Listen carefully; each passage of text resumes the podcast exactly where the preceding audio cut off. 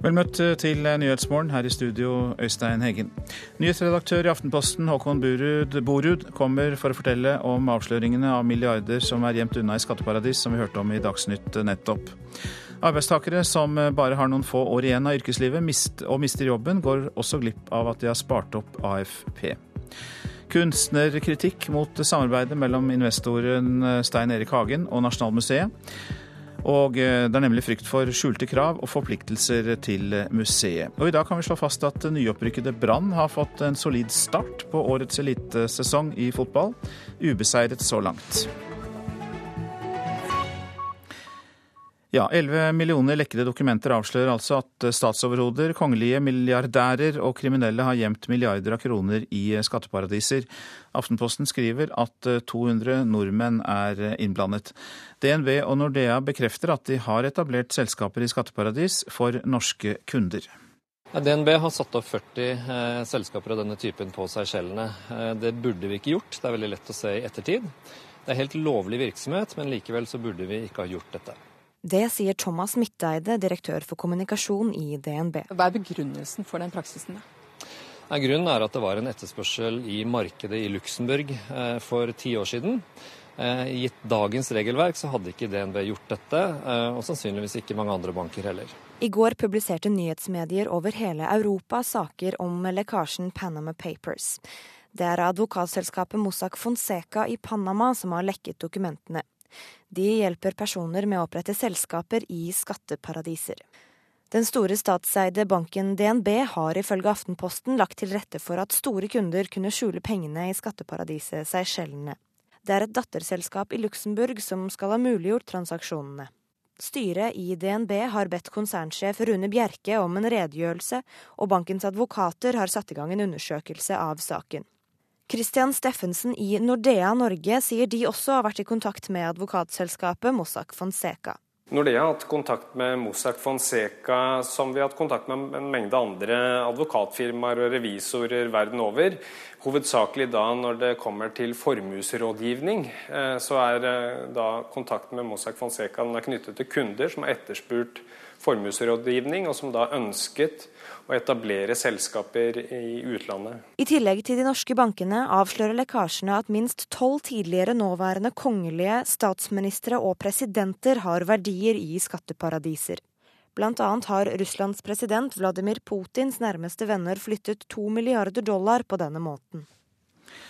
Det sa reporter Anne Lindholm. Håkon Borud, velkommen. Takk. Du er nyhetsredaktør i Aftenposten, og eh, dette tidenes største journalistiske gravprosjekt med 370 journalister over hele verden som har gransket 11 millioner dokumenter, er også dere med på som eneste norske avis. Og hvorfor eh, er dere med på det?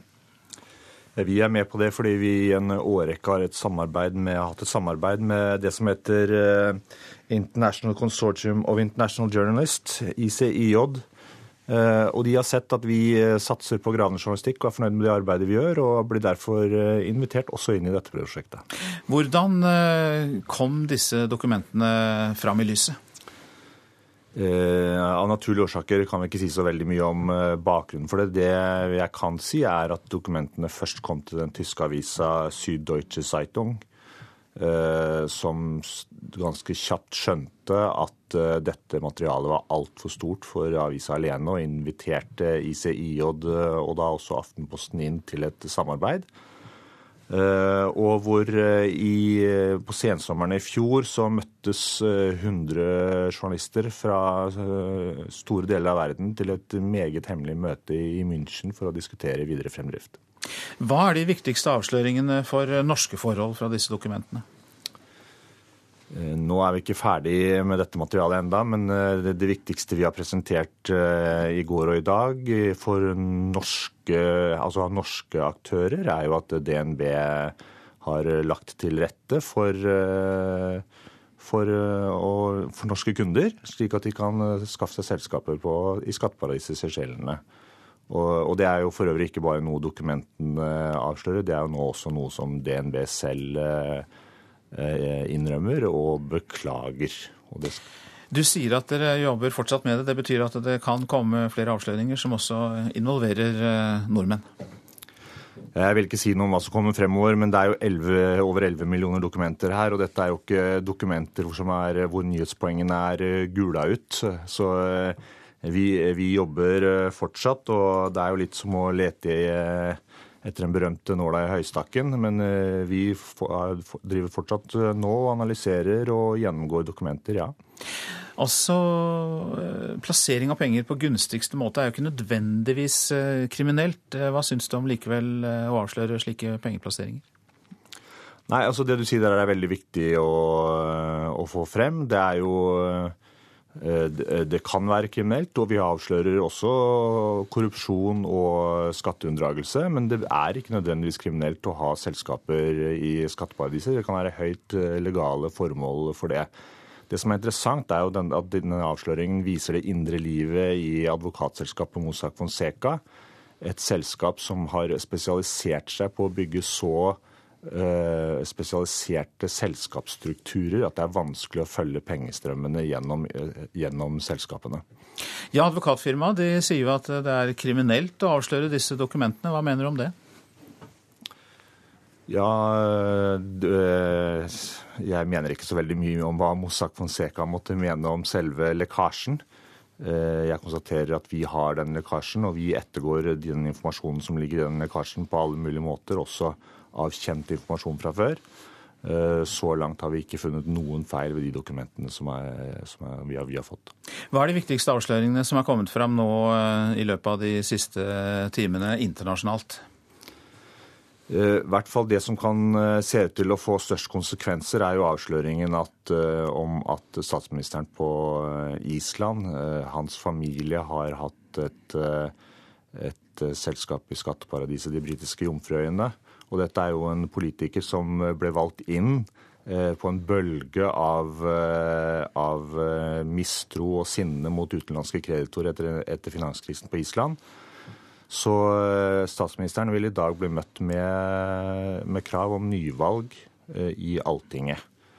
Eh, om det vil skje, gjenstår å se. Og så er kretsen rundt Putin. Kretsen rundt Putin er blitt en meget rik og mektig krets. Bygd opp, bygd opp sin formue i stor grad rundt, rundt skatteparadisene. Ja. Mange takk skal du ha, nyhetsredaktør i Aftenposten Håkon Borud. Så tar vi for oss avisene for øvrig. Vi legger da til at 20 sider av Aftenposten forresten er viet disse omfattende avsløringene i dag. Det norske monarkiet er mye dyrere enn det vi har kjent til. Store utgifter hemmeligholdes. Det avsløres i Dagbladet, som vi også har hørt i Dagsnytt. 460 millioner kroner i året skal eh, Slottet koste oss. Da er det ikke bare hoffet, apanasjen, adjutanten og kongeskipet inkludert, men også utenlandsreiser og politieskorte. Røkke-selskapet Aker Kværner var bekymret for samarbeidet med et korrupsjonsmistenkt selskap som skulle hjelpe dem til å vinne en milliardkontrakt på et oljefelt i Kasakhstan. Det viser lekkede dokumenter som Klassekampen gjengir. Kommunikasjonssjef i Kværner, Torbjørn Andersen, advarer mot å lese for mye ut av dokumentene. Han mener Kværner har opptrådt skikkelig og med integritet soner for Nav-svindel, men få vet om det. Vårt Land har møtt en familiefar som er en av over 3000 nordmenn som fikk sone straffen med fotlenke i fjor.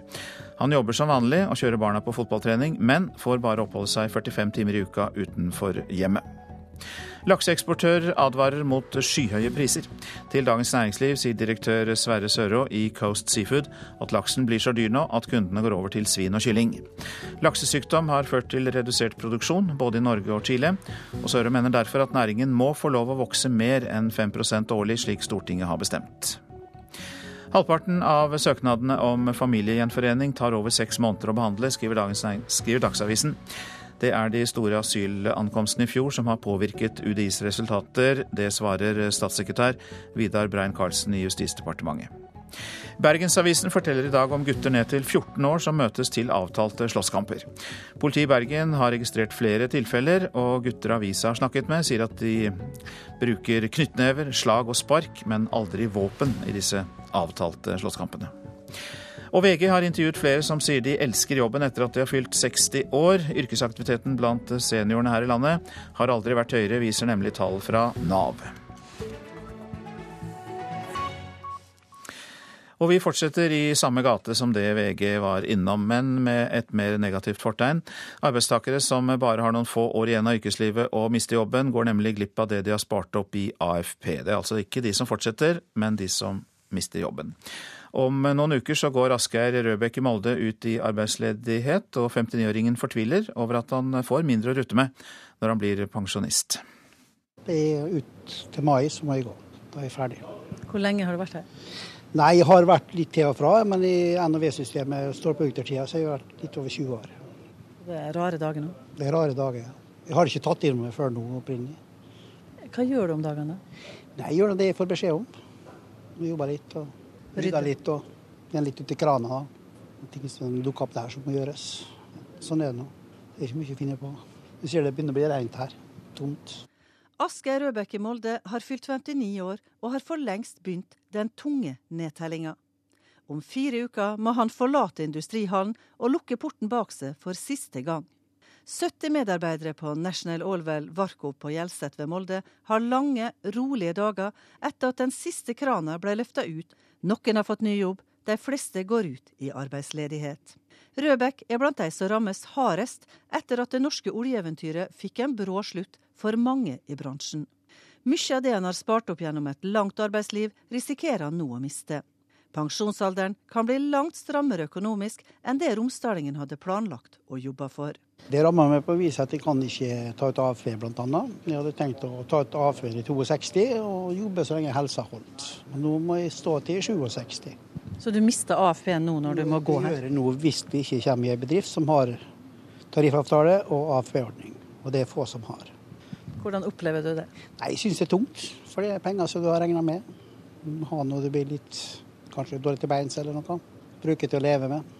Direktør i Nav Møre og Romsdal kjenner situasjonen og vet at mange på Asbjørn Røbecks alder havner i den samme fortvilte situasjonen. De eh, får nok et problem, eh, sånn som vi ser det nå. Eh, Men samtidig så er det også viktig det at om en er 59-60 år, så er en ikke ferdig i arbeidslivet nødvendigvis. Det er fortsatt muligheter. Og vi har jo mange håper jeg, eksempler på at det er gode resultater også for de når de står og søker arbeid. Men hvis de ikke får jobb, da får de ikke utnytta det de har spart. Det gjør de nok ikke i første omgang. Men kan det bli noen løsning på det? Ja, Det tør jeg ikke å si på dette tidspunktet. Det tør jeg ikke. Men blir det jobba med det? Ja da, altså vi har et direktorat og et departement som jobber med disse problemstillingene hele tiden. Så det er jeg trygg på. Hvilke konsekvenser får dette for deg hvis du nå ikke kommer deg inn i en ny jobb og mister AFP? Det blir nå litt eh, smalere tider kan du si når du blir gammel. Du kunne kanskje gjort andre ting. Nå må du tenke mer over hva du gjør. Du kan kanskje ikke gjøre det du har lyst til, å reise litt og forskjellig sånt. Det er det det går i da. Og hvis jeg da skal gå bort tidlig, så har jeg nå fått noe igjen. Det er litt med det å gjøre òg. Ja, de tankene hadde Asgeir Røbekk. Han snakket med reporter Ann Eli Nøsen. Dette er Nyhetsmorgen, klokka har passert 6.46, og vi har disse hovedsakene. Tidenes største dokumentlekkasje avslører at statsledere og politikere gjemmer bort milliarder i skatteparadis. Det viser granskning fra mediehus i flere land, blant dem Aftenposten i Norge. Pessimismen i oljebransjen gjør at mange aksjer stuper. Over halvparten av oljeserviceselskapene på Oslo Børs har falt med over 90% i eh, verdi. Vi har hørt at arbeidstakere som bare har noen få år igjen av yrkeslivet og mister jobben, går glipp av det de har spart opp i AFP. Og vi skal få vite mer om Lars Bremnes' siste vise, som er oversatt til arabisk og blitt en klikkvinner på Facebook. Nå om nyopprykkede Brann, som har fått en solid start på årets elitesesong i fotball. Brann sikret opprykket helt på tampen av forrige sesong, og mange har vært skeptiske til hvordan bergenserne skulle klare seg i år. Men etter gårsdagens 2-1-seier borte mot Ålesund er Brann ubeseiret på de første tre kampene. Og det uten at matchvinner Azar Karadas tar helt av. Vi er veldig ydmyke, vi er nyopprykka, vi har masse å jobbe med. Det er Azar Karadas som er mann. Ålesund 1, Brann 2. Og dermed står Brann og Azar Karadas med én seier og to uavgjorte kamper etter tre serierunder. Det er ikke verst, mener trener Lars Arne Nilsen. Vi er, vi er nyopprykka og vi var spent på om vi hadde nivået inne. og Vi er jo tippa nord og ned og skal rykke ned, så nå har vi jo fått, fått en veldig god start. Er det én ting bergenserne er kjent for, så er det kanskje det at man tar av litt for tidlig. For det er ekstremt lenge igjen av årets sesong, men det er det ingen fare for denne gangen, sier Azar Karadas. Bergensere er spesielle, så hvis de har lyst så kan de ta av så masse de vil, men vi er ikke det. Ja, vi har kommet eh, veldig godt i gang, men det er ingen grunn til å hvile nå. Vi, vi må se framover. Vi har en viktig treningsuke foran oss og en ny tøff kamp til, til helga. For eh, til helga venter et eh, annet lag som har overraska positivt, nemlig serielederne Bodø-Glimt. Vi, eh, vi, skal inn i en god treningsuke og, og, forhåpentligvis gjøre en god kamp mot Bodø til helga. Våre reportere her, Henrik Agledal og Rune Hustad. Rundt halvparten av kommunene i Norge de planlegger jo rådgivende folkeavstemninger i forbindelse med kommunereformen. Men professor Asbjørn Røiseland ved Universitetet i Nordland kaller lokalpolitikerne feige. Han sier de heller burde bestemme selv. I Tysfjord kommune har de tenkt å la innbyggerne velge mellom fire ulike alternativer. Vet du hvilket alternativ det er for Tysfjord? Nei, egentlig ikke. Er det litt forvirrende når man ikke vet det?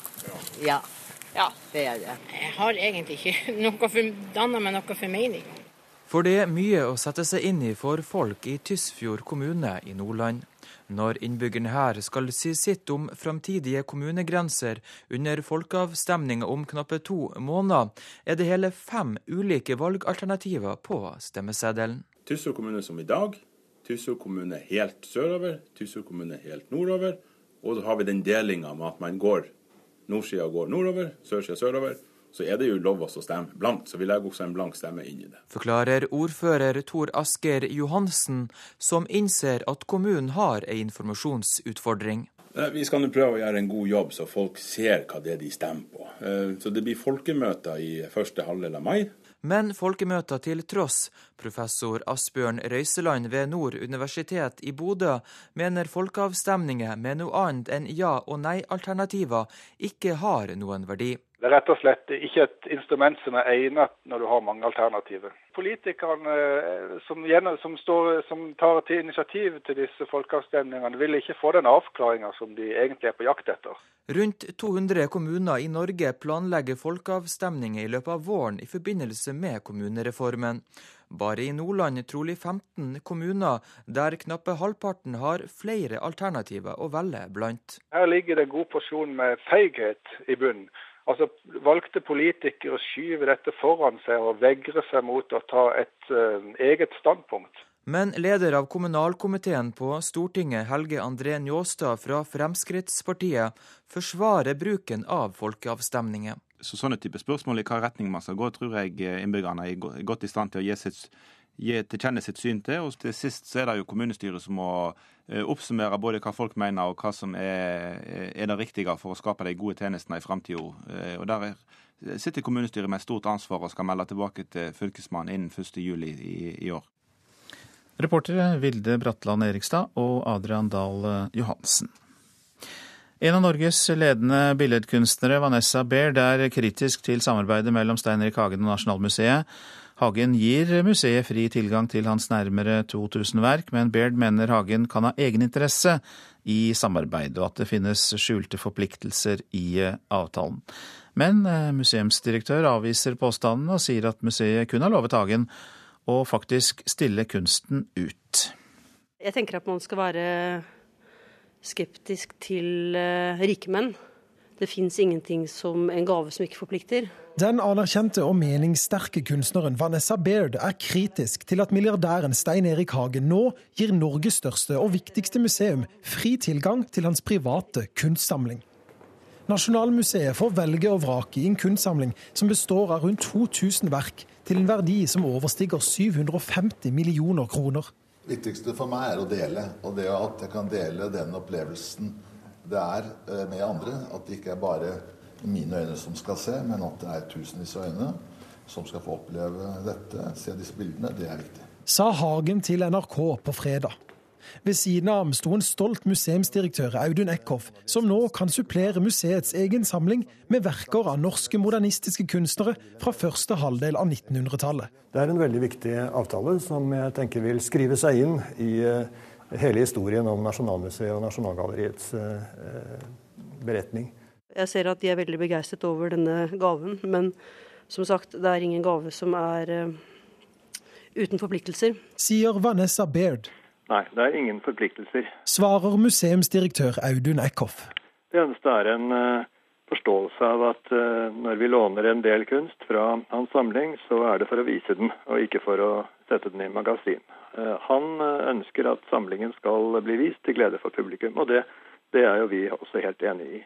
Men Baird mener Hagen kan ha flere egeninteresser i et slikt samarbeid. Nei, Jeg vil jo tro at hans samling stiger av verdi ved å være i den sammenhengen, så klart.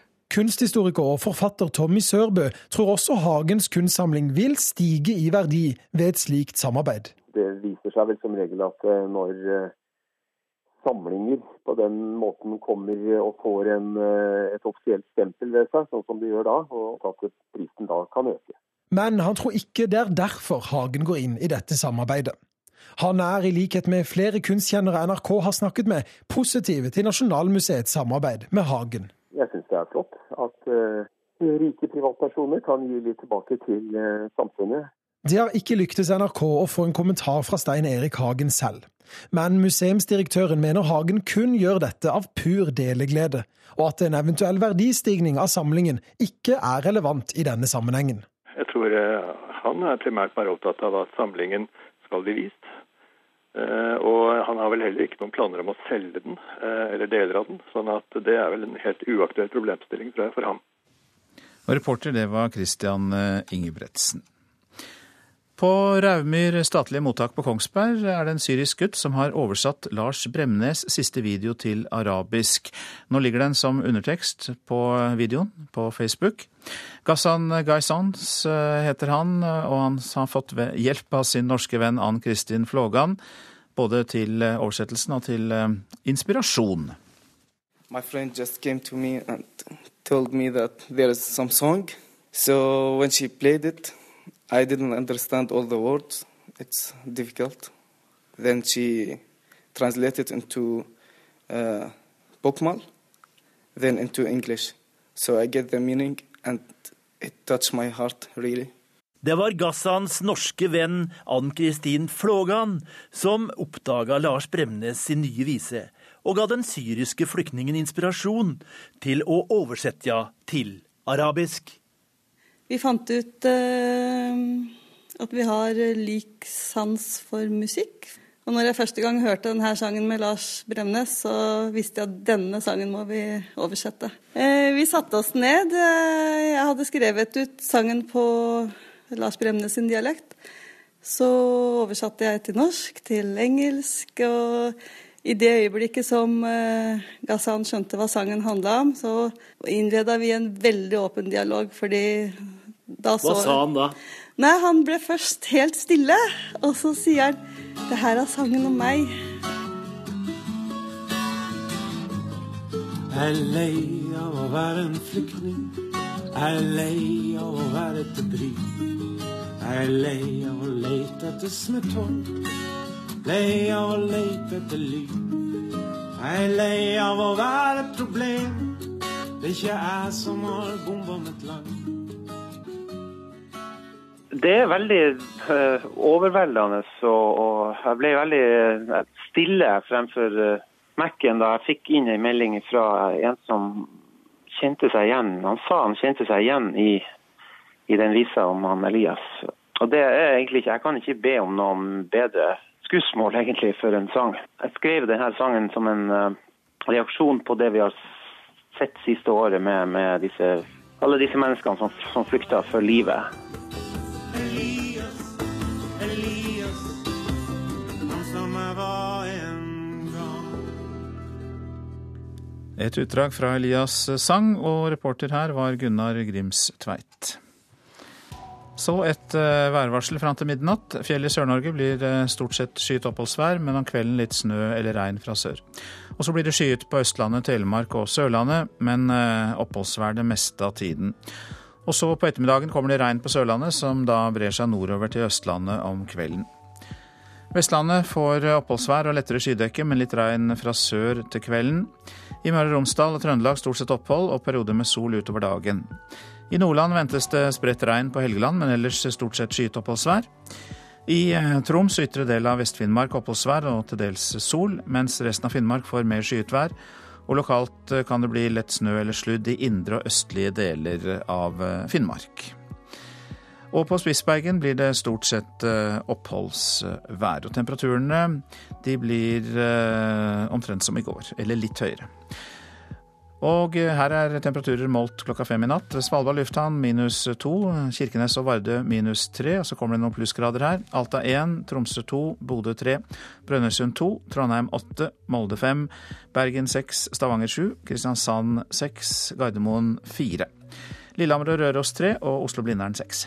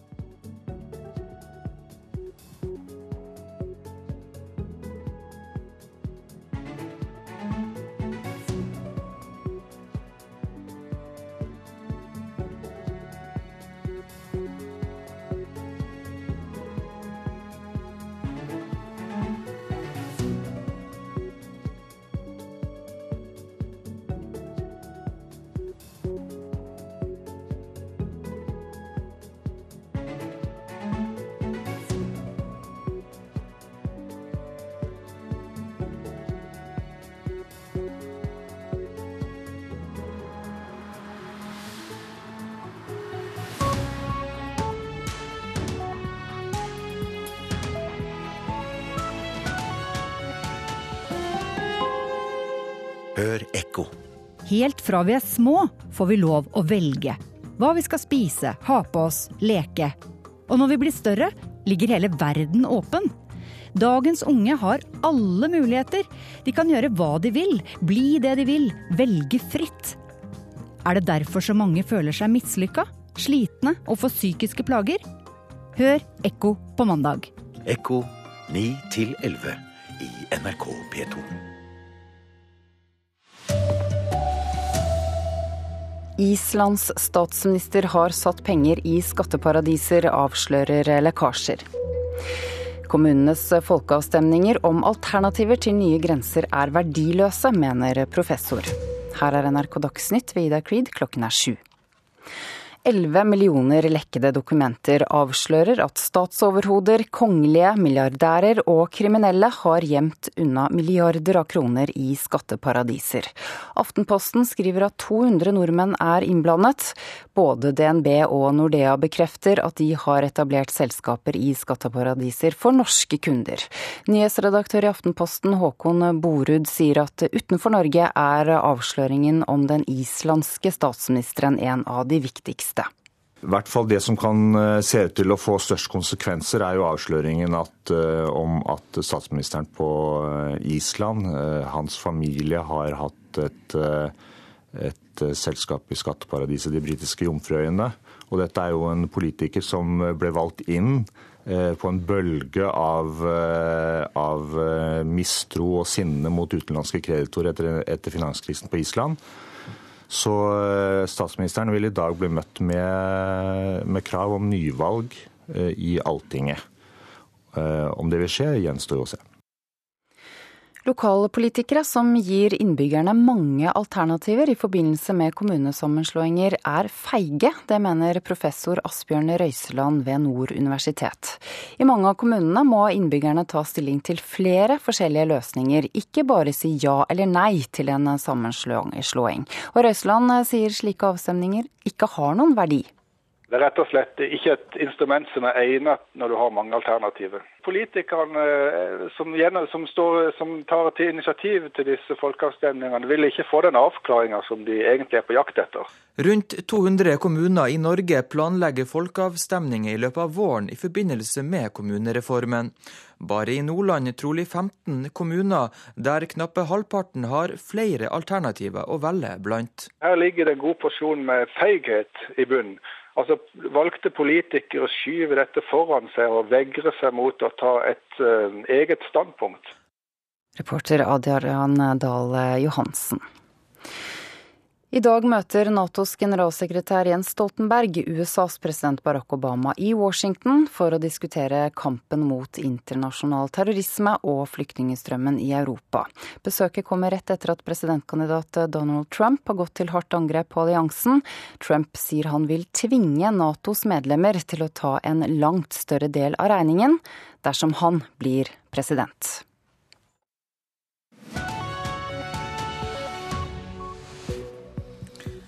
Og Nyhetsmorgen fortsetter med disse sakene. Vi spør om avsløringen av bortgjemte milliarder kan bidra til slutten på skjult eierskap og bruk av skatteparadiser.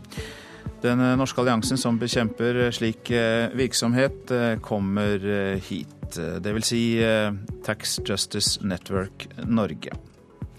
Huset til en sorenskriver ble totalskadd i brann. Er landets dommere og rettssamfunnet for øvrig truet? Og Nato-sjef eh, Stoltenberg skal altså til Obama. Hvordan var det da Kjell Magne Bondevik var i Det hvite hus? Han kommer og forteller. Ja, Vi hørte i Dagsnytt at 11 millioner lekkede dokumenter avslører at statsoverhoder, kongelige, milliardærer og kriminelle har gjemt milliarder av kroner i skatteparadiser. Aftenposten skriver at 200 nordmenn er innblandet. DNB og Nordea bekrefter at de har etablert selskaper i skatteparadis for norske kunder. DNB har satt opp 40 eh, selskaper av denne typen på Seychellene. Eh, det burde vi ikke gjort, det er veldig lett å se i ettertid. Det er helt lovlig virksomhet, men likevel så burde vi ikke ha gjort dette. Det sier Thomas Midteide, direktør for kommunikasjon i DNB. I går publiserte nyhetsmedier over hele Europa saker om lekkasjen Panama Papers. Det er advokatselskapet Mossack Fonseca i Panama som har lekket dokumentene. De hjelper personer med å opprette selskaper i skatteparadiser. Den store statseide banken DNB har ifølge Aftenposten lagt til rette for at store kunder kunne skjule pengene i skatteparadiset Seychellene. I tillegg til de norske bankene avslører lekkasjene at minst tolv tidligere nåværende kongelige, statsministre og presidenter har verdier i skatteparadiser. Blant annet har Russlands president Vladimir Putins nærmeste venner flyttet to milliarder dollar på denne måten. Sa reporter Anne Lindholm. Leder i finanskomiteen Hans Olav Syversen fra Kristelig Folkeparti er svært skuffet over det som kommer fram i avsløringen i Aftenposten i dag. Nei, jeg tar det for gitt nå at uh, statsråden ber om en fullstendig forklaring fra DNB. Det er jo slik at Norge har tatt en lederrolle internasjonalt for å arbeide mot skatteparadis. og Da blir det jo veldig trist og beklagelig, dypt beklagelig, at eh, en delvis statseid norsk bank har vært vår egen motspiller i dette. Hans Olav Syversen leier altså finanskomiteen i Stortinget, og der jobber de bl.a. med skattereformen. Det som har kommet fram i Aftenposten nå, kommer til å påvirke dette arbeidet, sier han.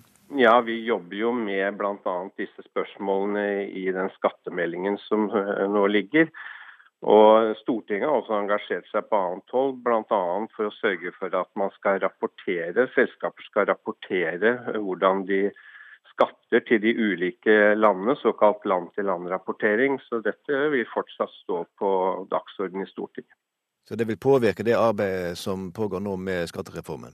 Ja, Dette er på agendaen allerede, selv før denne avsløringen. Men det vil jo selvfølgelig forsterke interessen for eh, det arbeidet Stortinget og regjering har gjort, både nasjonalt og internasjonalt. Og eh, det vi må eh, bare se i øynene, er at én ting er hva vi makter nasjonalt gjennom nasjonal lovgivning. Det vi er helt avhengig av, er at land arbeider sammen for å stoppe stoppe denne type skattespekulasjon, som undergraver egentlig de normalt fungerende landene verden over. Men eh, det er vel ikke bevist ennå at eh, de har gjort noe som er juridisk sett galt? Nei, eh, men her går det nok en forskjell i hva som er juridisk rett og hva som er moralsk rett. Og det å aktivt arbeide for at disse skatteparadisene skal kunne fortsette på den måten, og i realiteten bidra til at de vanlige samfunnene som Norge er en del av, undermineres eh, gjennom skatteflukt. Eh, det har mye mer enn juss i seg, og det er det jeg er særlig opptatt av. Ja, Det sa leder eh, av finanskomiteen, Hans Olav Syversen fra Kristelig Folkeparti, reporter Bjørn Atle Gjellestad. Og Sigrid Klæbo Jacobsen, velkommen hit. Takk. Du er leder av Tax Justice Network Norge, en allianse av 15 organisasjoner, bl.a. Eh, da Unio, Fagforbundet, Kirkens Nødhjelp, som jobber med å avdekke skjult eierskap. Og hvor viktig er disse avsløringene? Nei, De er veldig viktige. Det vi her ser er jo et enormt omfang som da er dokumentert. At rike enkeltpersoner, høytstående politikere, har skjult identiteten sin i skatteparadis, og da godt hjulpet da av norske, eller norsk bank. Så etter vårt syn så viser det her hvor mye som har svikta i kampen mot skatteparadis. Eh, og også i Norge, så selv om enkelte ting er på gang, som Syversen her sa, så viser det jo også hvor puslete de tiltakene som norske politikere eh, har satt i gang, hvor puslete de er i kampen mot skatteparadis. Ja, Syversen nevnte jo en del tiltak, eh, bl.a. gjennom skattereformen. Men er det tilstrekkelig? Hva mer må eventuelt gjøres? Ja, det er veldig mye mer som må på plass. For det første, eh, det er fortsatt eh, fullt lov å eh, investere anonymt i selskaper i Norge og skjule sin identitet. Det er noe som vi må få rydda opp i snarest. Det er på gang en prosess med å få på plass register over egentlige eiere, sånn at vi skal kunne se hvem det er. Eh, så det må jo eh, gjøres. Som sagt, det er satt i gang en prosess, men det er veldig uklart eh, nå om det her kommer til å være offentlige opplysninger som alle da skal kunne se. Det er veldig mye usikkerhet knytta til det. så men det er veldig mange andre ting. Jeg syns også f.eks. at her må Stortinget stille seg spørsmålet hvordan det her kunne skje på Finanstilsynets vakt. Vi har jo en tilsynsorgan som skal ettergå finansnæringa. Eh, og, eh, og, generelt så, så, må det jo en grundig granskning til. Eh, her har det svikta i mange ledd. Nå nevnte jo Syversen, og for så vidt også da tidligere i dag nyhetsredaktøren i Aftenposten, at det er en del av disse plasseringene som ikke nødvendigvis er lovbrudd. Hva kan man da si når de likevel blir avslørt gjennom disse lekkasjene, hvis det, hvis det ikke er lovbrudd? Ja, det, Man vet jo ikke om det eh, er lovbrudd eller ikke lovbrudd. Eh, det som er jo er Problemet her er jo at bevisbyrden ligger på oss. Eh, vi er i en situasjon der journalister har måttet ha gjort jobben for, for tilsynsorganer og for bankene sjøl for å avsløre her tingene. Og så Det viktigste er jo å få på plass ordninger som gjør at man nettopp kan Eh, ettergå denne type informasjon som kommer, eh, og i hele tatt ha muligheten for å, å, se om det er lovlig eller ikke lovlig. Eh, hvordan ser du disse avsløringene sammenlignet med det dere i Tax Justice Network i Norge har funnet ut av? Ja, nei, Vi er jo overhodet ikke overraska over den eh, innholdet i denne eh, avsløringa. Vi vet jo at eh, det her er et, bruken av skatteparadis er enormt populært. Men det som er spesielt med denne saken, er jo at, at det er blitt synliggjort og det er dokumentert i så stort omfang. Og jeg vil bare påpeke da at dette er jo avsløringer fra kun ett advokatselskap. Så det viser jo bare toppen av isfjellet. Så jeg, eh, så jeg går jo rett inn i eh, det vi jobber med, som er å eh, prøve å se hvordan vi kan beskytte samfunnet mot den globale hemmeligholdsindustrien. Mange takk skal du ha, Sigrid Klæbo Jacobsen, som altså leder Tax Justice Network Norge. I dag eh, starter rettssaken mot 39-åringen som er tiltalt for å ha tent på huset til sorenskriver Ola Svår i Hamar i 2013. Svårs datter og en venninne reddet seg så vidt ut av huset. Og denne mannen er nå tiltalt for drapsforsøk på fem personer, angrep på politiet, drapstrusler og en rekke andre forhold. Det er jo en veldig spesiell sak med eh, noen svært alvorlige tiltalepunkter. og eh, Tiltalen bygger jo på bl.a. at denne brannen som skjedde hos eh, sorenskriveren i Hedmark eh, har eh, tilknytning til hans virke som dommer. og På den måten er det jo et angrep på en av samfunnets viktige institusjoner. Det sier aktor Tormod Bakke. Det er første gang i Norge at noen er tiltalt for å ha forsøkt å ta livet av en dommer. Ifølge tiltalen var sorenskriveren dommer i en fordelingssak tiltalte var involvert i. Saken er nok unik eh, i forhold til det jeg nevnte innledningsvis. altså at Dette er jo eh, ifølge forutsetningene for tiltale et angrep på en av samfunnets institusjoner. Så eh, det er ikke veldig lett å finne en parallell til den. Svein Holden, som var aktor i saken mot Anders Behring Breivik, og som nå er bistandsadvokat for sorenskriveren og hans familie, sier også at det er en helt spesiell sak. Det er klart saken er usedvanlig spesiell. Det er eh, et angrep mot en eh, dommer og hans familie. og Det har vi ikke opplevd her i landet før, så dette er en meget viktig sak. Ifølge Holden ser familien fram til at saken nå starter. Jeg tror eh, hele familien ser frem imot at uh, saken skal bli ferdig i domstolen, og at de kan gå, gå videre med sine liv. 39-åringen har sittet på samme høysikkerhetsavdeling som Anders Behring Breivik i Skien. Aktor Tormod Bakke sier dette om vurderingene som er gjort. Her baserer det seg jo delvis på en risikovurdering som kriminalomsorgen har eh, konkludert i forhold til, slik at eh, det er ikke vi som eh, styrer den biten. Vi legger til at det ikke har lyktes NRK å komme i kontakt med mannens forsvarer, Morten Andreassen, men han har tidligere uttalt seg svært kritisk til mannens soningsforhold, som han mener er umenneskelig og bryter med menneskerettighetene.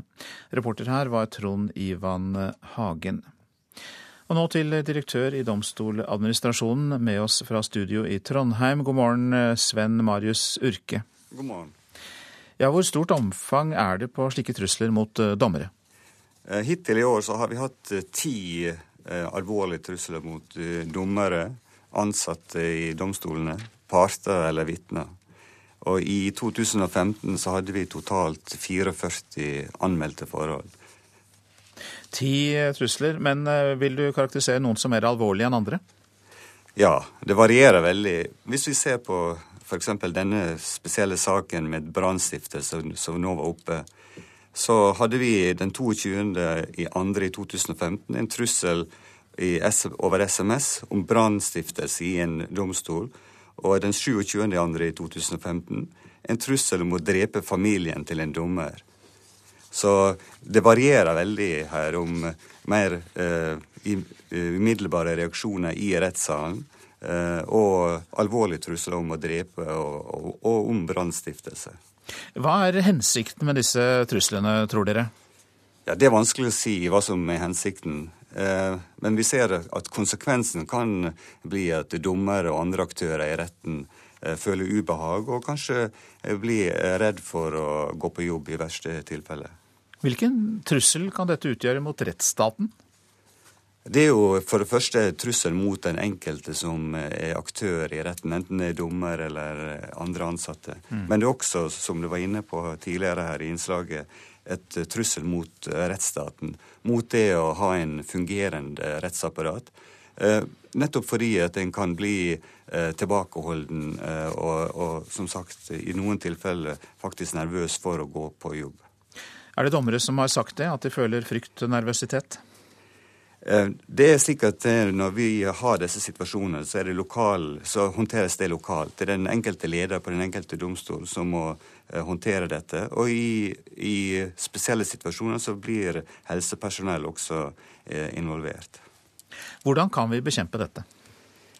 Det er ikke så veldig lett å bekjempe det at uh, trusler faktisk fremsettes. Dette skjer jo gjennom eh, SMS, gjennom sosiale medier, gjennom telefon, brev. Um, men det vi kan forhindre, det er at uh, Eller forhindre at det er mulighet til å, å gjøre noe videre med disse truslene.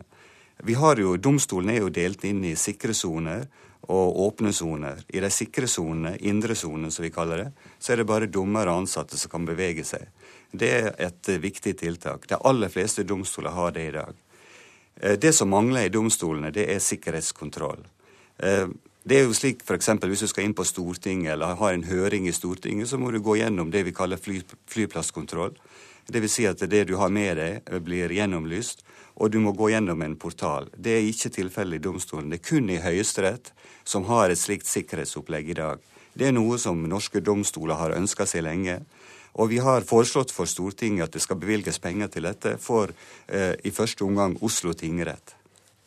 Mange takk skal du ha, Sven Marius eh, Urke, som er direktør i Domstoladministrasjonen. Dette er Nyhetsmorgen, og klokka den er 7.17 der. Dette er hovedsaker. Tidenes største dokumentlekkasje avslører at statsledere og politikere gjemmer bort milliarder i skatteparadiser. Denne såkalte Panama Papers-granskningen eh, kommer fra flere mediehus blant, og Aftenposten i Norge. DNB angrer og sier selskapet aldri skulle ha hjulpet kunder med å sette penger i skatteparadis, og Islands statsminister blir møtt med krav om at man må trekke seg, for han og kona har ifølge disse lekkasjene hatt et selskap på Jomfruøyene. Og vi legger til at pessimismen i oljebransjen kan gjøre at mange aksjer, gjør at mange aksjer stuper. Over halvparten av oljeserviceaksjene på Oslo Børs har falt med over 90% i verdi. I dag møter Nato-sjef Jens Stoltenberg USAs president Barack Obama i Det hvite hus i Washington.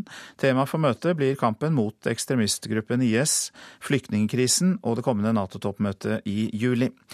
I USA har Donald Trump med sine mange utspill gjort utenrikspolitikken til et sentralt eh, tema. Og det er jo til noens glede og andres eh, vrede. I helgen så tok han også for seg Nato. Presidentkandidat Donald Trump vil stenge grensene, nekte muslimer adgang til riket og bygge mur mot Mexico. Han vil endre handelsavtaler og føre arbeidsplassene hjem. Han har sagt at det første han vil gjøre, dag én i Det hvite hus, er å annullere den såkalte atomavtalen som USA og andre land inngikk med Iran. Han håner president Obama for å være svak i sin naive omgang med iranerne. He's now complaining about Iran violating the agreement. What the hell did he think? He's like a baby. He's like a baby. I helgen ga han uttrykk for at USAs allierte bør betale mer for militær hjelp og støtte fra USA. Han foreslo at Sør-Korea og Japan bør få tilgang til egne atomvåpen. Å outsource ansvaret til regionen og sette landene i stand til å forsvare seg selv vil bety færre amerikanske soldater stasjonert i utlandet og lavere kostnader for USA. President Obama kommenterte uttalelsene, og uten å nevne navn karakteriserte han avsenderen. They tell us that the person who made the statements doesn't know much about foreign policy or nuclear policy or the Korean Peninsula or the world generally. Donald Trump har tidligere sagt at han pleide å være en big fan av FN, men ikke nå lenger, for FN er mot demokrati, mot USA og mot Israel, ifølge presidentkandidaten, og han har latterliggjort FNs handlingslammelse og inkompetanse, slik han ser det. Sist nå ikke nødvendigvis i forkant av generalsekretær Jens Stoltenbergs besøk, men rent generelt er det den atlantiske forsvarsalliansen Nato som får gjennomgå. Han mener USA drar for mye av lasset alene. And they're ripping off the United States, and they're ripping you off. Either they pay up, including for past deficiencies, or they have to get out. And if it breaks up NATO, it breaks up NATO. Og som alltid med forretningsmannens sans for penger uten at det er galt, det koster. Og hvem plukker opp regningen? USA. We're talking about tremendous amounts of money that we put in. Now we're, and we're defending countries, and we're not getting reimbursed anywhere near the cost of doing it. Og eh, reporter her, det var Joar Hoel eh, Larsen. Kjell Magne Bondevik, eh, velkommen. Takk. Du er jo tidligere statsminister, selvfølgelig, og har eh, vært i Det hvite hus ikke bare én gang. Og du har sett Det ovale kontor og Det hvite hus. Eh, er det annerledes enn i eh, filmer og TV-serier? Ja, det, en blir slått av at det faktisk er et relativt enkelt, lite kontor.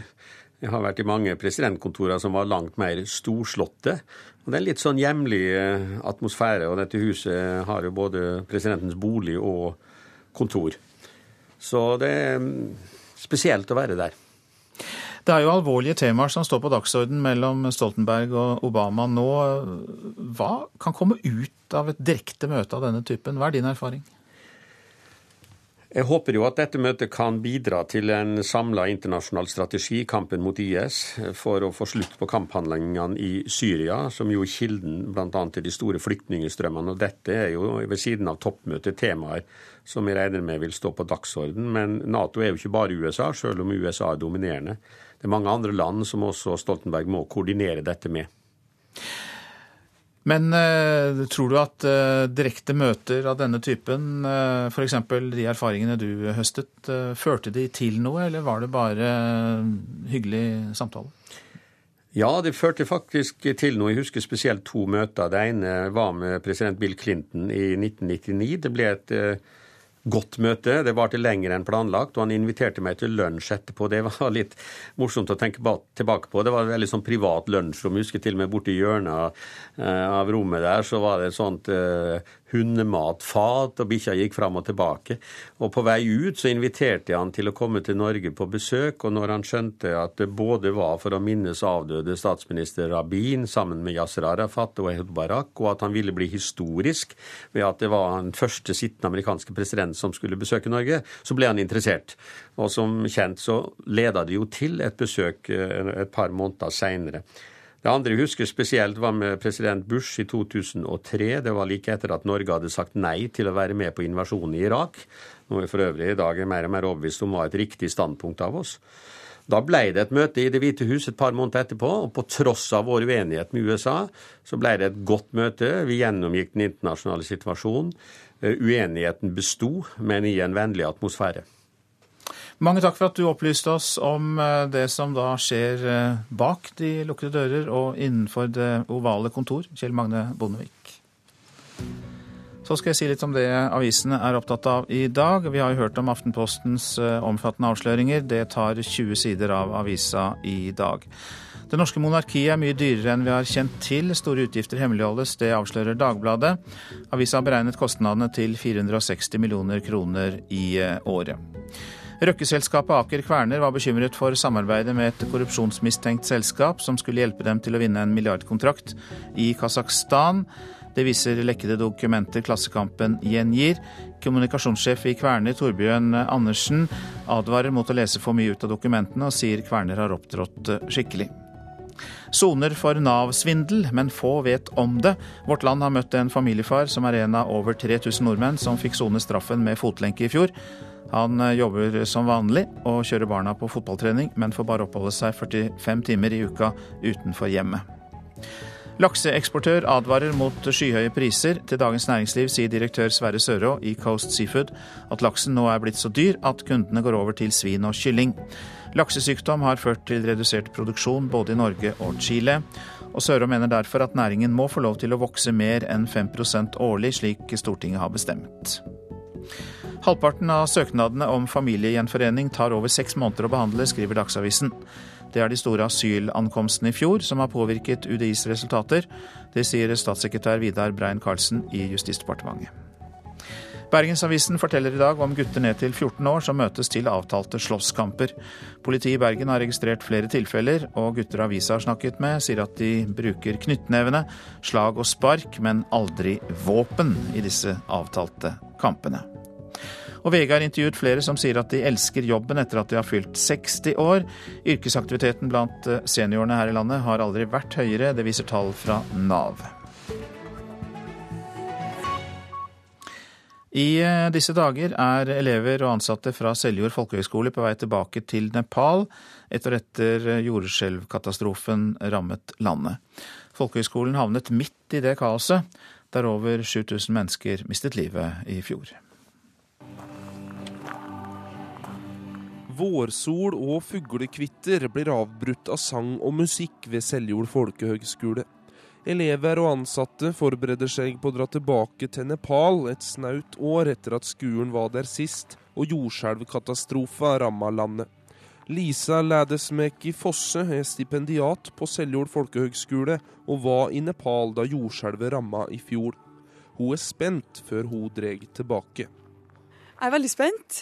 Jeg gleder meg masse. og har egentlig gleda meg mer og mer jo liksom nå når det har nærma seg. Og sannsynligheten for at det som skjedde i fjor skjer igjen, er jo eh, betydelig mindre. Er du redd? Jeg er ikke redd nå. Kanskje jeg blir det når vi lander der med flyet, og eh, kanskje det er noe som kommer tilbake. Men akkurat nå er jeg ikke redd, men er veldig spent. Seljord folkehøgskole har i mange år støtta et barnehjem i Nepal.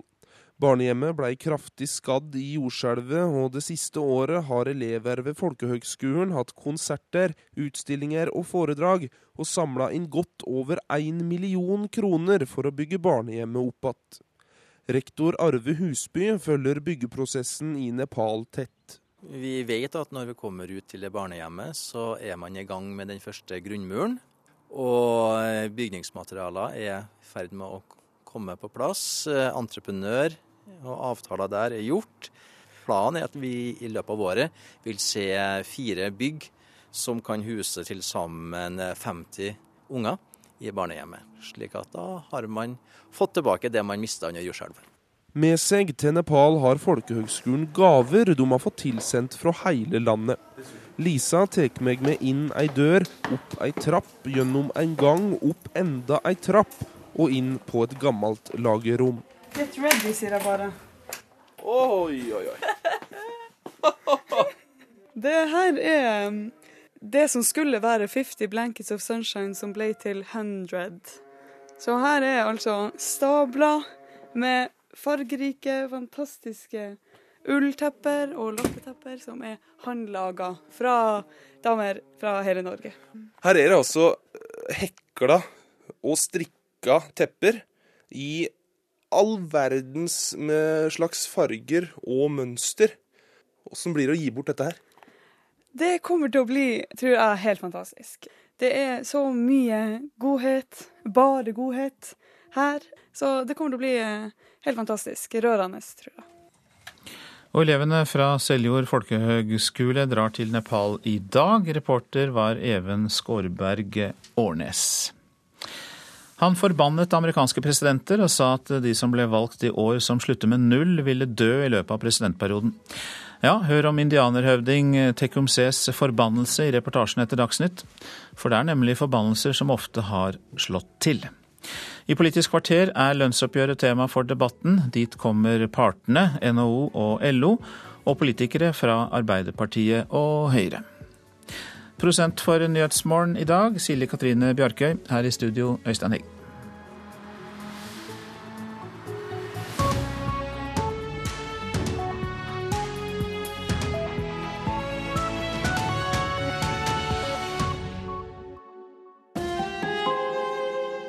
Hør ekko. Helt fra vi er små får vi lov å velge hva vi skal spise, ha på oss, leke. Og når vi blir større, ligger hele verden åpen. Dagens unge har alle muligheter. De kan gjøre hva de vil, bli det de vil, velge fritt.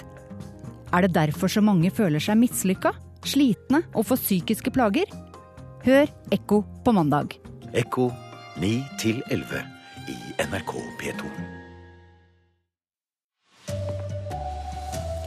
Avsløringer i Aftenposten om skatteparadiser kan få følger for skatten her hjemme. Islands statsminister blir møtt med krav om at han må trekke seg etter lekkasjene.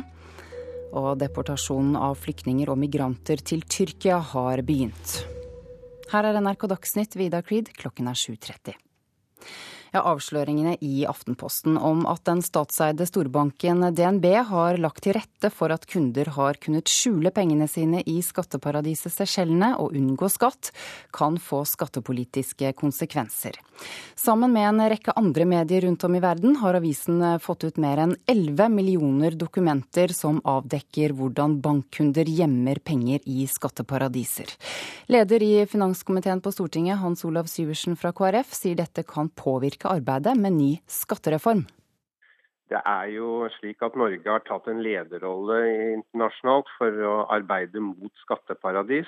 Og da blir det jo veldig trist og beklagelig, dypt beklagelig, at eh, en delvis statseid norsk bank har vært vår egen motspiller i dette. Hans Olav Syversen leier altså finanskomiteen i Stortinget, og der jobber de bl.a. med skattereformen. Det som har kommet fram i Aftenposten nå, kommer til å påvirke dette arbeidet, sier han. Ja, vi jobber jo med bl.a. disse spørsmålene i den skattemeldingen som eh, nå ligger. Og Stortinget har også engasjert seg på annet hold, bl.a. for å sørge for at man skal rapportere, selskaper skal rapportere hvordan de skatter til de ulike landene, såkalt land-til-land-rapportering. Så dette vil fortsatt stå på dagsordenen i Stortinget. Så det vil påvirke det arbeidet som pågår nå med skattereformen? Ja, Dette er på agendaen allerede, selv før denne avsløringen. Men det vil jo selvfølgelig forsterke interessen for eh, det arbeidet Stortinget og regjering har gjort, både nasjonalt og internasjonalt. Og eh, Det vi må bare se i øynene, er at én ting er hva vi makter nasjonalt gjennom nasjonal lovgivning. Det vi er helt avhengig av, er at land arbeider sammen for å stoppe denne type skattespekulasjon, som undergraver egentlig de normalt fungerende landene verden over. Reporter er vår Bjørn Atle Gildestad. Dette er et stort journalistisk eh, graveprosjekt. Aftenposten er det eneste norske mediehuset som er med. Og nyhetsredaktør i Aftenposten, Håkon Borud, hvor omfattende er denne saken? Ja, det er ikke bare et stort gravprosjekt. det er tidenes eh, største journalistiske graveprosjekt. Eh, vi har altså fått tilgang til 11,5 millioner dokumenter, og det er ikke dokumenter som er sånn at det er utgula nyhetspoenger på hver side. Så det har vært som å lete etter den berømte nåla i høystakken. Så vi har eh, jobbet sammen med 376 journalister fra 109 medier i 76 land i ett år. Eh, og vært et veldig kreativt og systematisk arbeid for å, å Eh, for å finne fram til disse avsløringene, som på langt nær er over. Og hvilke konsekvenser kan dette få for de som er involvert, tror du?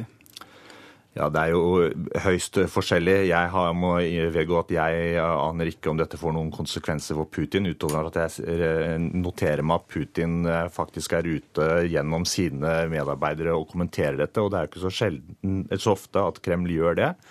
Så det kan jo hende at også Putin eh, legger merke til det og skjønner at dette kan få innenrikspolitiske konsekvenser.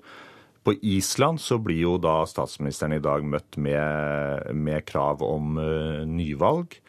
Og her i, i, Norge så hørte vi jo Syversen om, uh, snakke om hvilke konsekvenser dette kan få for uh, for skattepolitikken i Norge, og altså legger også merke til at eh, DNB nå blir møtt med kraftige reaks politiske reaksjoner. Lykke til videre med disse sakene, nyhetsredaktør i Aftenposten Håkon Borud. Og som du sa, Islands statsminister blir i dag møtt med krav om at han må trekke seg og skrive ut nyvalg. Han og kona har ifølge dokumentlekkasjen Panama Papers hatt et selskap på Jomfruøyene. Og nå, blir, når han blir konfrontert i et intervju med SVT, reiser han seg og går. Nei, nei. Sigmundur David Gunnlaugsson reiser seg, drar av seg mikrofonen og går ut av døra i et intervju med Sveriges Televisjon. Han er Islands statsminister og en av flere statsledere som dukker opp som eier av et skallselskap på Jomfruøyene i forbindelse med dokumentlekkasjen Panama Papers. Det var den tyske avisen Süddeutsche Zeitung som først fikk tilgang til de lekkede dokumentene fra det Panama-baserte advokatselskapet Mossack Fonseca.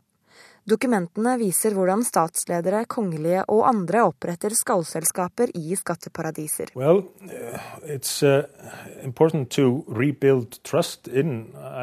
det er viktig å gjenvinne tillit til regjeringen og det finansielle systemet, sier Gunnlaugsson. Uh, Men når SVTs reporter spør om han selv har noen forbindelse til skatteparadiser, blir det verre å svare. Uh, myself? No. Well, uh... Uh, uh, og når en islandsk reporter vil spørre ham om detaljer på islandsk om hans og konas selskap på Jomfruøyene, da vil han rett og slett ikke mer. Nei, nei. Ja. Ja, jeg mener Ja, reporter her var Anne Lindholm. Hellas har begynt å sende tilbake migranter og flyktninger til eh, Tyrkia. Den første gruppen som blir deportert under avtalen mellom EU og Tyrkia, forlot den greske øya Lesbos litt etter klokken seks i dag tidlig. Det begynner å lysne, men sola har ennå ikke stått opp når flere busser kjører fram til havna på Lesbos. Der venter to mindre passasjerferger og en større gruppe politifolk med skjold. De kommer fra Frontex, som skal kontrollere og overvåke EUs yttergrenser. Ut fra bussene kommer de første 135 migrantene som skal deporteres tilbake til Tyrkia. Der har de jo vært før. Det var derfra de satte ut i små gummibåter for å komme seg til Europa. Nå går altså turen den andre veien. Den omstridte returavtalen mellom EU og Tyrkia er satt i verk. Enkeltvis og i små grupper blir migrantene fra Pakistan og Bangladesh fulgt om bord i fergene. Det hele går stille og rolig for seg. På naboøya Kios var det i natt sammenstøt mellom politi og lokale innbyggere som protesterte mot deportasjonene som er planlagt derfra. Ifølge avtalen mellom EU og Tyrkia kan migrantene som har kommet til Hellas etter 20. mars, returneres til Tyrkia. For hver syrisk flyktning Tyrkia tar imot, skal EU ta imot en syrisk flyktning direkte fra Tyrkia. Det er ventet at 250 mennesker blir sendt fra Hellas til Tyrkia i dag. Ja, Det sa utenriksmedarbeider Wenche Eriksen. Hjem igjen. 13 timer på overtid kom eh, meklingen i lønnsoppgjøret mellom eh, Fellesforbundet og Norsk Industri i havn i går. Det endte med det som i praksis blir omtalt som et nulloppgjør. I tillegg ble partene enige om å la regjeringen utrede nye pensjonsregler i privat sektor. Og politisk kommentator Magnus Takvam, hva er det viktigste partene ble enige om i går? Ja, Det aller viktigste er jo at dette ble skal vi si, tidenes mest moderate oppgjør, i hvert fall siden 90-tallet. Eh, med en økonomisk ramme på 2,4% og med en prisstigsforventning på 2,5, så skjønner vi at det knapt da i gjennomsnitt, så å si, eh, blir eh, reallønnsøkning i det hele tatt. Så det er hovedpunktet. Ellers så var det regjeringens eh, bidrag så å si, på pensjonsspørsmål, og det faktum at eh, den også varslet å utvide permitteringsregelverket, slik at man utvider perioden fra 30 til 52 uker.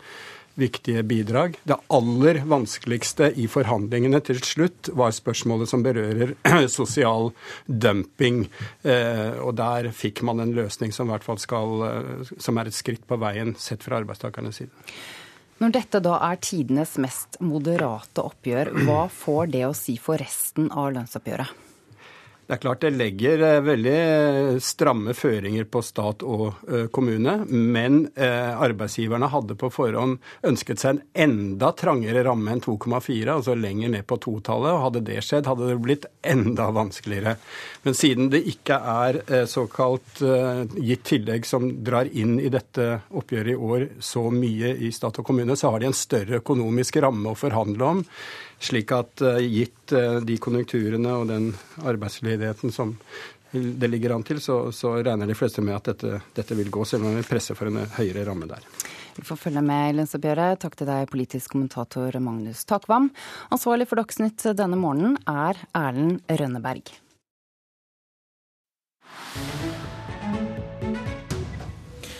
Du lytter til eh, Nyhetsmorgen. Det er eh, valgtider i USA, og kandidatene i år skal være glade for at de stiller til valg i 2016. Da rammes de nemlig ikke av Tekumses forbannelse. Den gamle indianerhøvdingen mislikte europeernes kolonisering så sterkt at alle kandidater som velges i år som slutter på null, ifølge legenden, skulle dø. Joar H. Larsen har laget denne reportasjen. Tecumseh's curse. And Tecumseh was an Indian chief Tecumseh døde i 1813, men før det hadde han ledet motstandskampen mot de europeiske migrantene, som etter hvert krysset Appalachian-fjellene og strømmet inn i Ohio-dalen, der Shawnee-høvdingen Tecumseh regjerte. Men Tecumseh, hans mot og lederskap til tross, tapte og ble drept. Det første offeret for Tecumsehs curse var hans gamle hovedfiende general William Henry Harrison.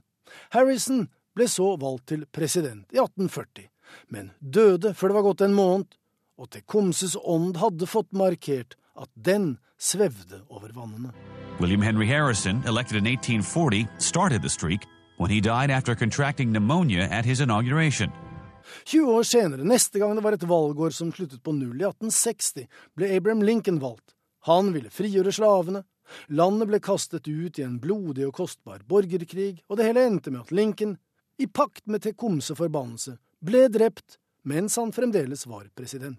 Abraham Lincoln, elected in 1860, was murdered at the beginning of his second term. Etter nye 20 år var det igjen valg der årstallet hadde en null som siste siffer. Da ble James Garfield valgt. Then James A. Garfield was assassinated in office. Men det varte bare noen måneder. Han ble skutt og drept på en jernbanestasjon i Washington DC av en misfornøyd arbeidsledig, som på en måte tok ansvar for at Tekomses forbannelse ble holdt i hevd. Og der Garfield døde, levde forbannelsen videre, til 1900, da den rammet president William McKinley. Another assassin struck down William McKinley, who had been elected in 1900. McKinley likte å være ute blant folk, håndhilse og prate. Det ble hans bane. En polskfødt militant anarkist skjøt og drepte presidenten fra kloss hold.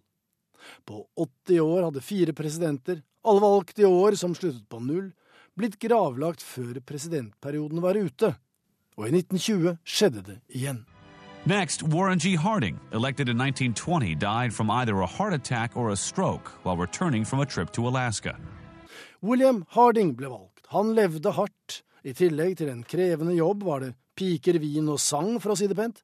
I tillegg til Tekomses forbannelse. Harding døde av sykdom i 1923. I 1940 ble Franklin Delano Roosevelt valgt for tredje gang som den første presidenten i USAs historie. I 1944 for fjerde gang. Men kort tid etter, preget av krigen og sykdom, døde han, bare 63 år gammel.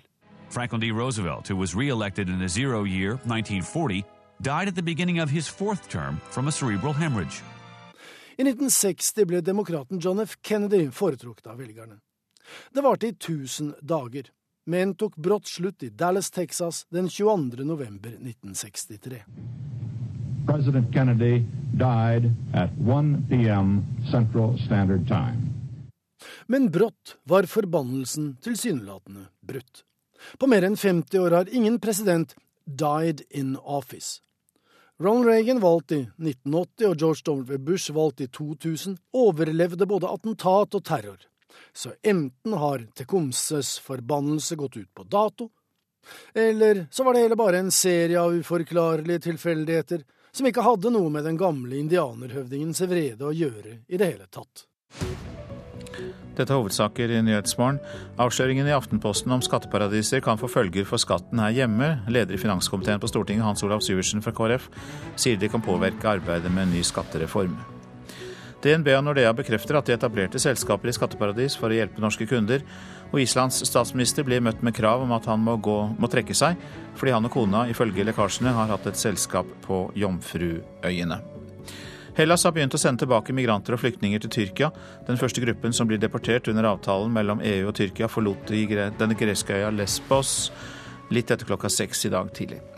Håvard Grønli er programleder for Politisk kvarter.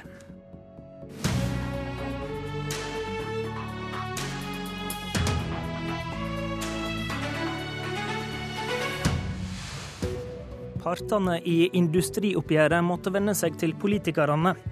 Og vips så innførte regjeringa permitteringsreglene som Arbeiderpartiet har mast om i flere måneder. Har regjeringa gått tilbake på egen politikk, eller bare vært smart og venta til det rette øyeblikket? Velkommen til Politisk kvarter. Etter 13 timer på overtid ble partene i industrien enige om et historisk moderat oppgjør. Nulloppgjør er overskrifta. Pengene gikk det rimelig greit å finne ut av, men partene måtte venne seg til politikerne for å løse de vanskelige emnene. I tillegg til permitteringsreglene gjaldt det først og fremst pensjon. Jørn Eggum, forbundsleder i Fellesforbundet. Dere ville ha pensjonsopptjening fra første dag, og ville helst ha pensjonsspørsmål inn i tariffavtalen. Resultatet er at regjeringa skal utgreie lov- og regelendringer når det gjelder tjenestepensjon. Hva tror du egentlig arbeidstakerne kan oppnå med dette? For oss var det prioritert å få det inn lovveien, for da vil det gjelde alle. Vi hadde et sånn todelt syn på pensjonsspørsmålet. Det ene var selvsagt å få bedre pensjonsrettigheter og større pensjonsgrunnlag for våre egne medlemmer. Men også få pensjon for de som ikke har pensjonsrettigheter i dag, som konkurrerer med våre bedrifter. Så bemanningsbransjen var viktig for oss at de også fikk samme utgifter som de bedriftene som de konkurrerer med, som er våre medlemmer. Så lovveien var absolutt viktig for oss, for da vil det gjelde alle. Men tariffesta pensjon og kollektive ordninger blir det ikke? Det vet vi ingenting om, for vi har fått eh, myndighetene med, som du startet eh, å innlede med. Sånn at nå er jo alle pensjonselementene sendt over til, til en utredning som skal til politisk behandling på sikt. Så sånn når partene også skal, skal delta i den utredningen, så ligger jo alle muligheter til grunn ennå til at vi kan få den type ordninger som vil være det beste for helheten. Stein Lier Hansen, administrerende direktør hos arbeidsgiverne i Norsk Industri. Du smilte bredt i går. Eh, du har hele veien vært steil på at pensjon ikke skal inn i tariffavtalene, og unngikk det. Forklar oss hvorfor dere da trengte hjelp fra regjeringa for å løse den eh, pensjonsfloka. Altså, vi har hele tiden sagt at pensjon er et så viktig spørsmål at det må diskuteres i et helhetsperspektiv, og ikke stykkevis og delt. Nå unngikk vi å få det inn i tariffavtalen. Vi har fått regjeringa til å si at de vil starte en utredning i samråd med partene i arbeidslivet. Og dermed er vi sikra en helhetlig tilnærming til dette veldig vanskelige spørsmålet. Og så er vi spesielt glad for at i regjeringas svar til Riksmekleren så legges det vekt på at den spesielt skal utrede den ordningen som Fellesforbundet og Norsk Industri faktisk er helt enige om, nemlig å etablere en pensjonskonto som følger deg hele livet, som sikrer små eh, kostnader ved bytte av jobb osv. Som, som da er individuell? Den er individuell, og det er det som har vært hovedpoenget i en felles utredning mellom Norsk Industri og Fellesforbundet. Og det betyr nei til kollektive ordninger? Det betyr nei til kollektive ordninger, sånn som vi ser det. Og vi har sagt at eh, i en sånn sånn ordning, så må den enkelte selv kunne velge hvor en plasserer sin pensjonsrettighet. Egum.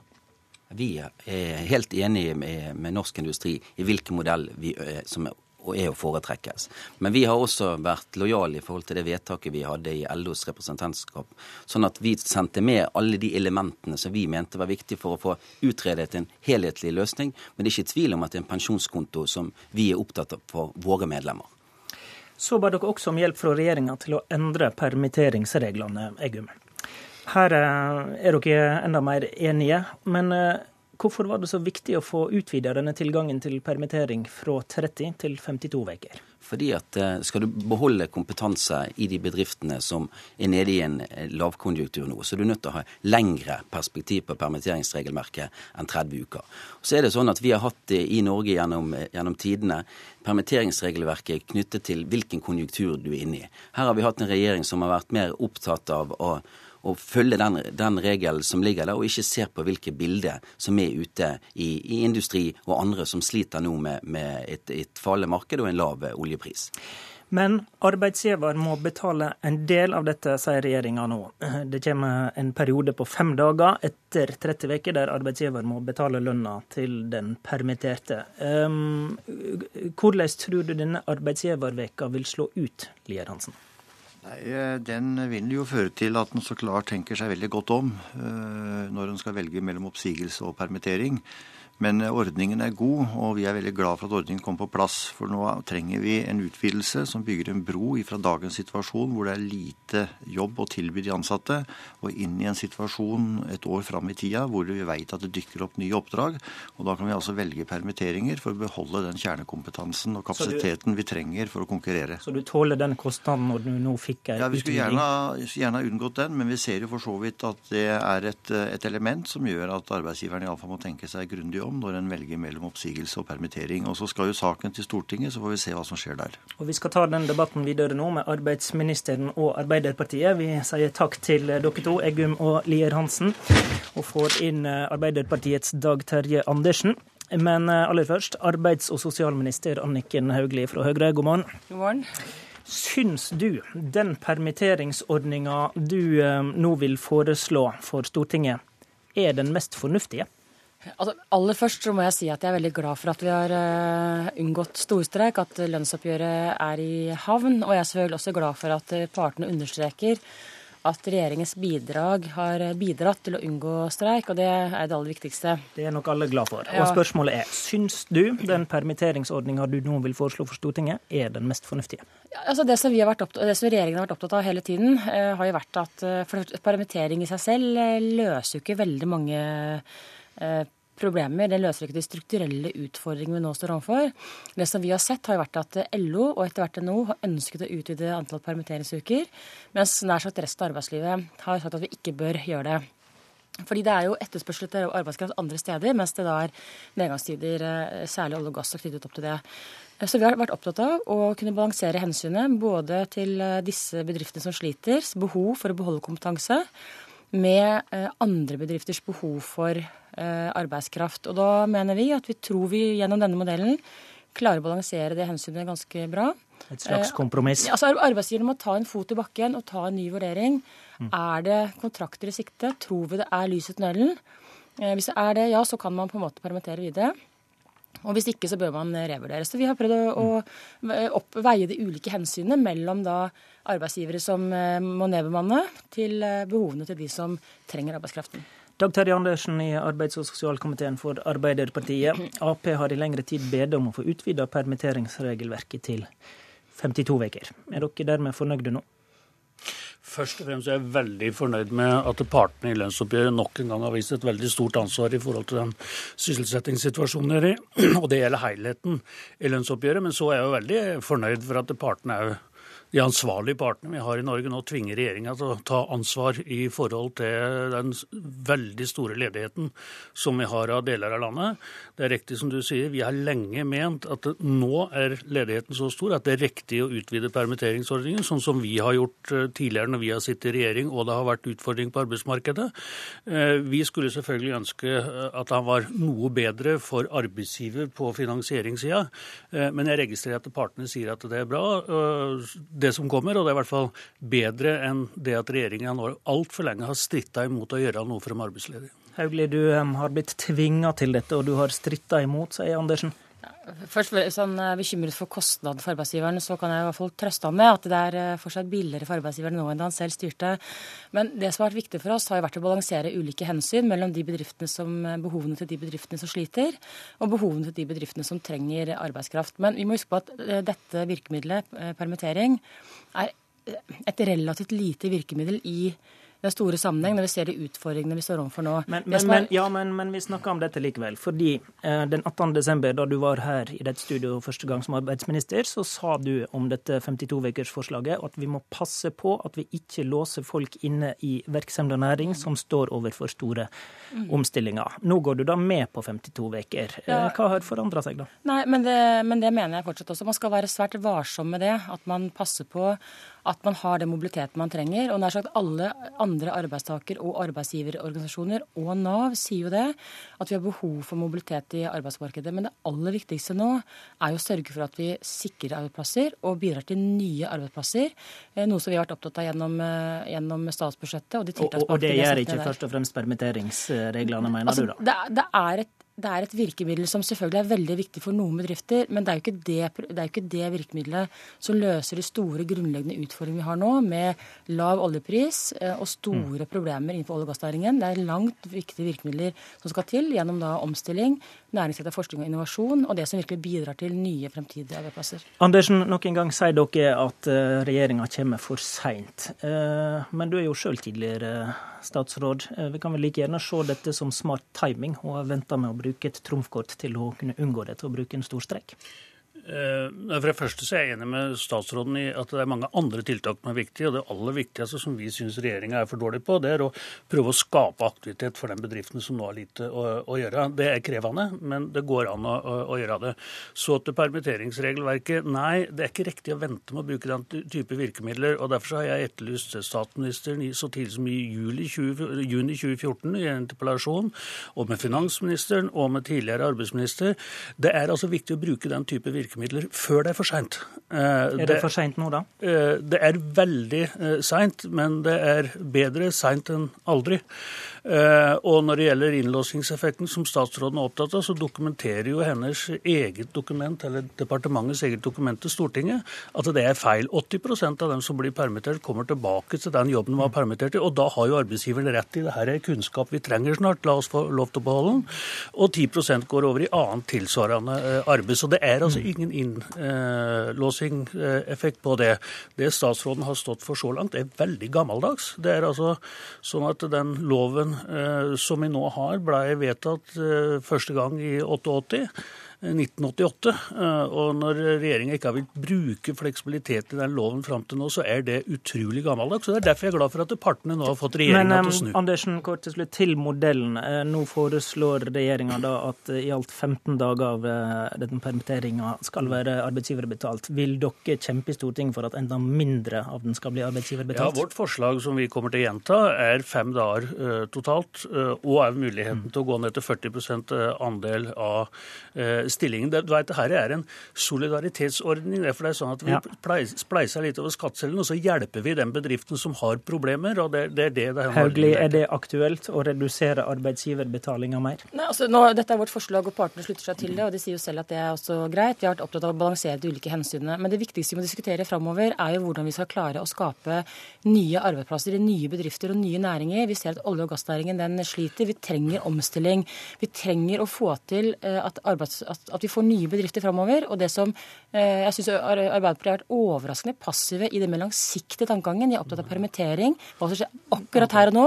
Men framover så er det helt taust, og det er bekymringsfullt. Vi stopper den debatten der, og så vender vi oss til Magnus Takvam, politisk kommentator. Permitteringsreglene var åpenbart med på å løse frontfagsoppgjøret i år. Går Hauglie og statsministeren motvillig mot sin egen politikk, eller har de avventa og gjort dette med lett hjerte nå når de kunne få en eh, politisk gevinst av det? Jeg tror det har vært en modning, og særlig etter at NHO sentralt også støttet dette kravet, så lå det i kortene at uh, også regjeringen måtte komme etter. Og det var klart uh, allerede noen dager før uh, innspurten at regjeringen ville bidra på denne måten. det har vært en viss uenighet og motstand internt i NHO, bl.a. om denne egenandelen. Og det er klart det er også bransjer i NHO-familien som gjerne ser å få tilgang på ledig arbeidskraft tidligere som kanskje ikke er så begeistra. Men det lå i kortene at dette kom nå. Partene satt her i starten av sendinga, og de som så bilder i går, så en svært fornøyd og smilende arbeidsgiver. Mm. Er det han som har grunn til å smile bredest etter dette oppgjøret? Ja, selvfølgelig. På kort sikt så er de økonomiske virkningene av oppgjøret eh, veldig moderat, selv om arbeidsgiverne nok ønsket en, seg enda lenger ned på totallet enn det som ble tilfellet, 2,4% i ramme. Eh, så spørs det da hva eh, pensjon og eh, det som berører temaet sosial dumping, kost, losji osv., som er et meget viktig stridsspørsmål, hva det ender opp med til slutt, for å gjøre opp den endelige liksom, seierrekkefølgen her. Ja, for hva ligger egentlig av realiteter i denne semja om pensjon, der de legger det til regjeringa og utgreiinga? Det var en veldig krevende sits, fordi begge parter på forhånd var bundet av sine organer til ikke å, gi noen ting. Derfor ble løsningen at Riksmekleren skrev brevet, og ikke partene. Og egentlig er alle skal vi si, konflikttemaer internt innebakt i det mandatet regjeringen har. Det har, ikke løst noen ting, men vi la merke til at de to partene her eh, understreket dette med individuell eh, pensjonskonto, som jo er en het potet i LO-familien. Eh, det er uavklart. Men nå blir i hvert fall temaet ryddet ut for resten av dette lønnsoppgjøret, de kommende oppgjørene, og det er viktig for, for arbeidsgiverne selv. Takk, Magnus Takvam. I studio, Håvard Grønli.